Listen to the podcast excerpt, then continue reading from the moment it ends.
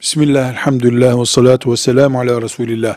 İnsanların birbirlerine borç vermeleri, borç almaları, dinimizin teşvik ettiği faziletli, yani Müslümanca sevap kabul edilmesi gereken işlerdendir. Komşumuz veya ilişki içerisinde bulunduğumuz bir kafir bizden borç para alabilir mi? Biz ondan alabilir miyiz?